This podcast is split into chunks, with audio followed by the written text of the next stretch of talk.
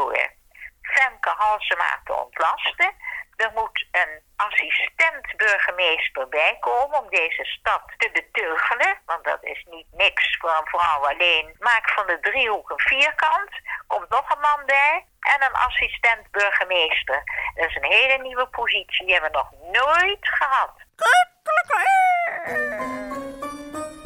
Hier is Hanengekraai door Luc Drosten met Elisabeth Bierens de Haan.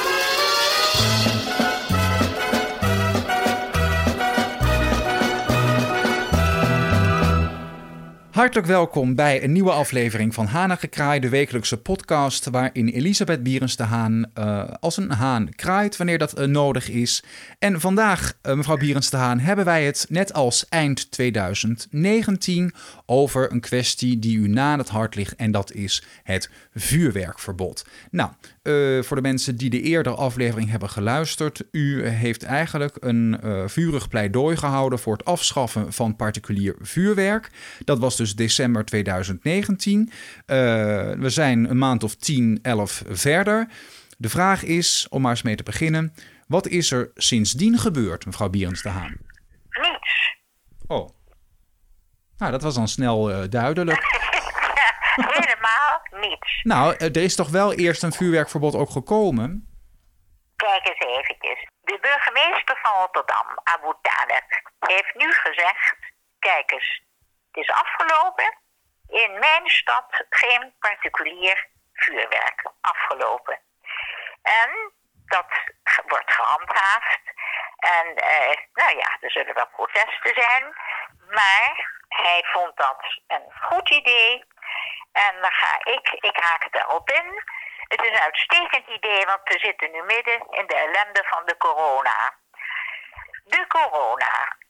De winkels mogen na acht uur, of de winkels mogen niet meer alcohol verkopen na een bepaalde tijd. De cafés uh, moeten op bepaalde tijd sluiten.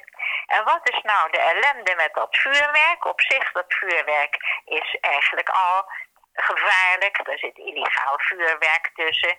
Er is net een bom. Die heeft een huis van een dame laten ontploffen. Nou, gelukkig is ze, ze leeft nog, maar reuze ramp. Het gaat erom dat op oudjaar 80% van de Nederlandse bevolking stomdronken is. Flesje champagne aan de mond, klok, klok, klok, de ene fles naar de andere. En daar begint het. Dan wordt men handtastelijk. En dat wordt men ook al zonder alcohol. Dus met alcohol, nou, kan je voorstellen wat er gebeurt. Dus, dit is belangrijk. Ik koppel de corona aan het vuurwerkverbod. Nu, in deze moeilijke tijd, waar we ons allemaal moeten houden aan regels. Anderhalve meter afstand. Ik neem twee meter afstand, op, uh, zoals ze in Duitsland doen. Dan verder mondkapjes. Nou, ik heb een lading mondkapjes. Ik drink niet, dat is nogal makkelijk. Dus uh, dat is weer een zorg minder.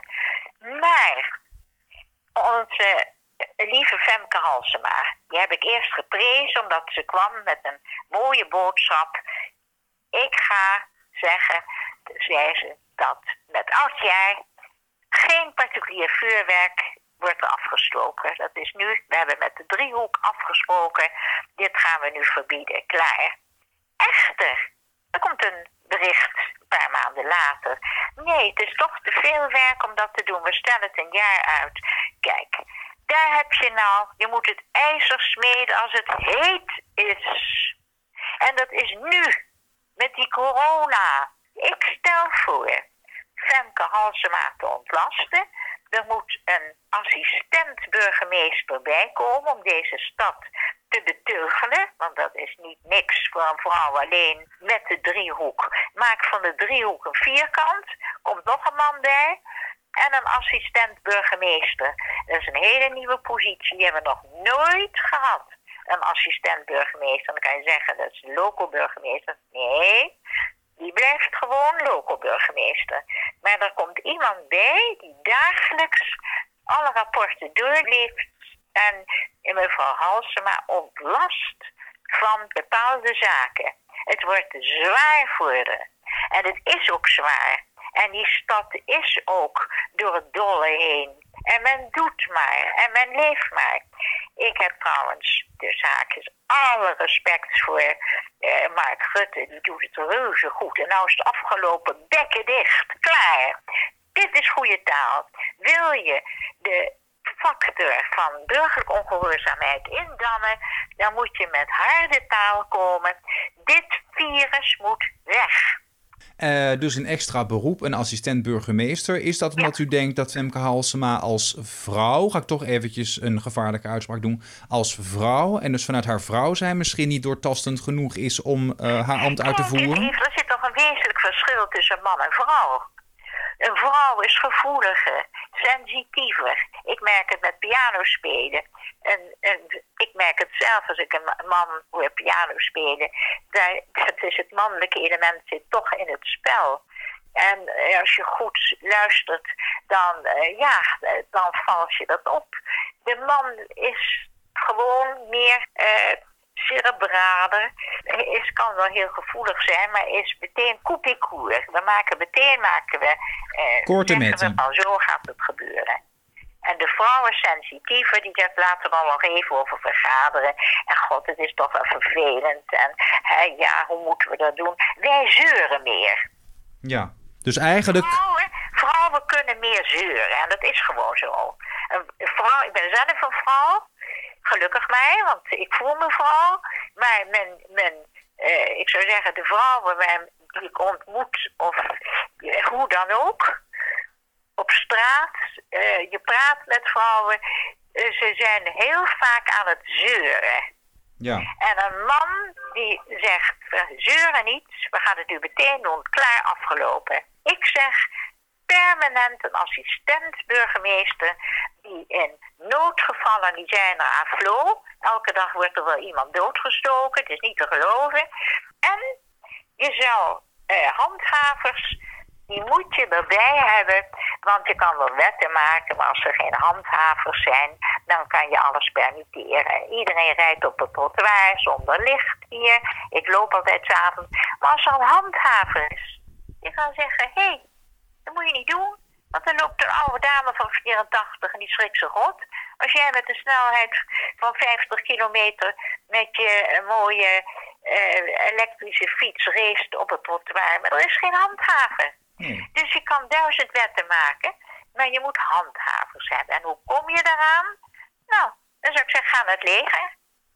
En zeg tegen het leger, jullie hebben op het moment, we hebben geen oorlog gelukkig. Maar met, in deze coronatijd, ga ons assisteren.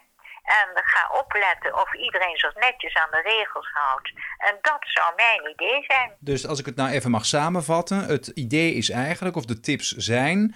Uh, installeer een hulpburgemeester voor Femke Halsema. Net als een soort hulp Sinterklaas, maar dan anders. Ja, ja klopt. Uh, dat is één. Dan punt twee... Uh, schakel het leger in. Dus al die soldaten die momenteel eigenlijk niks te doen hebben. Om, te doen? Om de straten te bewaken, onder andere tijdens oudjaarsavond. Ja. Heel eh, goed. Je kan beginnen met de oudejaarsavond. Je zegt het heel goed, Luc. Uh, net als die hulpsinterklaas, dat is goed gezegd. Kijk, je kan beginnen met een proef. En dat is dus op oudjaar. Hé, hey, wat weer daar? Wat is dat? Dat is meteen afgelopen. Ja. Nou ja, dus, dit is dus bij, de, bij, deze eigenlijk een advies aan met name denk ik de gemeenteraad van Amsterdam om hier eens eh, serieus over na te denken. Uh, serieus over na te denken. En als we over vergaderen, dan heb ik het geluk dat misschien over vijf jaar dat er dan uh, een assistent-burgemeester is. Maar met deze dingen moet je daar uh, vlug bij zijn en dat gauw in orde maken. En dan wordt zo'n stad als Amsterdam weer handelbaar. Ja. En uh, ik, ik ken mensen die gaan verhuizen uit Amsterdam, die gaan weg. Die denken van het is me hier te gevaarlijk. Ik ga lekker naar uh, Loenen of ik ga naar Diemen, weet ik veel waar ik naartoe ga. Maar ik moet weg uit Amsterdam. Het is toch verschrikkelijk zo'n mooie stad. Ja. De, de, hele geschiedenis van Amsterdam is schitterend. Mooie stad, mooie cultuur, mooie musea. En, en ook, uh, en ook ja, doortastende... En wordt de, wordt de boel verknald door een stel rotdraaiers ja. die je niet kan pakken omdat er geen personeel is om ze te pakken. Nee. Nou, de adviezen zijn gegeven en hopelijk worden die ter harte genomen, mevrouw Bierens de Haan. En we gaan het nou, alweer dat af. zou ik heel fijn vinden. En we gaan het weer afronden. En mochten er inderdaad, ehm, mocht er gevolg aan worden gegeven, dan worden wij daar uiteraard ook zeer graag van op de hoogte gehouden. Ik kan nu alvast aankondigen voor de luisteraars volgende week. Dan eh, gaan wij het onderwerp burgemeesters nog iets verder uitdiepen. Want mevrouw Bierensdaan, dan komt u met eh, herinneringen die u heeft aan een drietal oude burgemeesters van Amsterdam. En daarmee kunnen we ons, eh, we zouden kunnen zeggen, eh, verheugen op een kleine geschiedenisles van eh, uw stad wat betreft de burgemeesters. En dat is volgende week. Nou, leuk. Tot dan. Tot dan. Dag, Luc. Wilt u reageren? Mail naar hanigekraai.amsterdammefm.nl en uw bericht komt terecht bij mevrouw Berends de Haan.